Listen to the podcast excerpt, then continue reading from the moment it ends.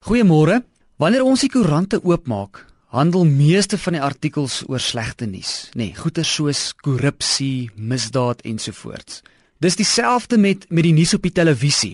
Meeste van die berigte handel oor slegte nuus, nê. Nee. En uh, ons word gebombardeer met slegte nuus en dit word deel van hoe ons dink. Luister net maar na gesprekke rondom die braaivleisvuur gaan oor slegte nuus rondom korrupsie, die etol, brandstofverhogings en al hierdie tipe van dinge in ons land. Ons is al so gewoond aan slegte nuus dat ons die goeie in 'n slegte situasie probeer raak sien.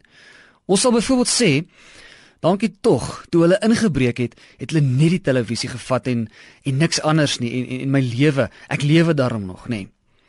Nou so in die begin van van die nuwe jaar is dit dalk nodig dat ons net so bietjie vir mekaar goeie nuus gee, nê. Nee. Dalk nodig om so 'n bietjie goeie nuus te hoor.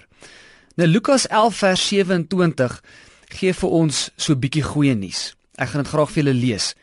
Terwyl Jesus nog besig was om te praat, het 'n vrou uit die menigte hardop uitgeroep en vir hom gesê: "Hoe bevoorreg is die vrou wat u in haar liggaam gedra en haar bors gevoed het." Maar hy sê: "Nog meer bevoorreg is hulle wat die woord van God hoor en dit onderhou. Nou dis so 'n een eenvoudige kort gedeeltjie, maar maar het soveel waarde. Die mense was vreeslik onderdruk geweest. Hulle identiteit was ingedrang. Hulle geloof was uitgedaag deur hedendaagse gelowe. Hulle was ook maar gebombardeer deur slegte nuus. Dan kom die man op die voorgrond. Nee, hierdie man wat wat wonderwerke doen. Deur al die slegte nuus hoor die mense goeie nuus goeie nuus van 'n verlosser, 'n redder van, van hoop, van liefde. Dis dan die rede dat die vrou uit die gehoor uitroep: "Hoe bevoorreg is die vrou wat een haar liggaam gedra het." Nou neem aan ag dat vrouens nie deelgeneem het aan die godsdienstige praktyke van die tyd nie. Dit was die man se plek. Maar steeds inspireer en en beweeg hierdie man, hierdie Jesus haar sodat sy dit waag uitroep.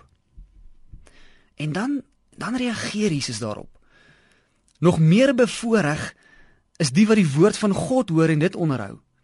Jesus sê: "Ja, dit is wonderlik, maar meer wonderlik is die mense wat God se woord, God se goeie nuus hoor en dit navolg." Selfs deur die slegte tye wat die mense beleef en die slegte nuus, kom Jesus en bring goeie nuus. Nuus van hoop, nuus van vrede, nuus van liefde, nuus van redding. Hierdie goeie nuus is vir almal van toepassing. Was nie net van toepassing vir die mense in die tyd van Jesus nie, dis ook van toepassing vandag vir my en vir jou.